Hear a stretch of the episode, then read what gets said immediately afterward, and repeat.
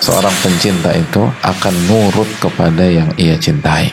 Kalau seorang suami mencintai istrinya, dia akan berusaha memenuhi keinginan istrinya.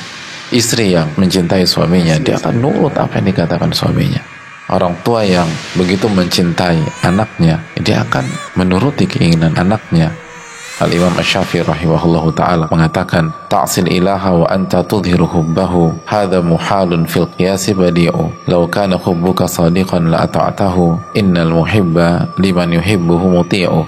Anda bermaksiat kepada Allah sedangkan Anda mengklaim dan menunjukkan bahwa Anda mencintai Allah Subhanahu wa taala. Ini nggak masuk akal karena kalau cinta Anda tulus, Anda akan taat dan nurut kepadanya sebuah kaidah yang dijelaskan Imam Syafi'i bahwa sebuah konsep dalam dunia percintaan kalau seseorang mencintai pihak lain maka dia akan nurut pada pihak tersebut.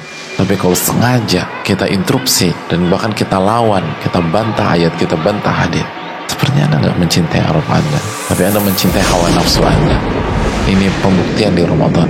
Benarkah kita lebih mencintai Allah dibanding yang lain? Benarkah kita bisa tekan hawa nafsu kita ini bukan tentang gak makan gak minum dari terbit fajar sampai terbenam matahari enggak. Ini lebih dalam.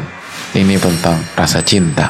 Karena kalau cinta anda itu jujur cinta anda murni cinta anda tulus anda akan taat dan nurut kepadanya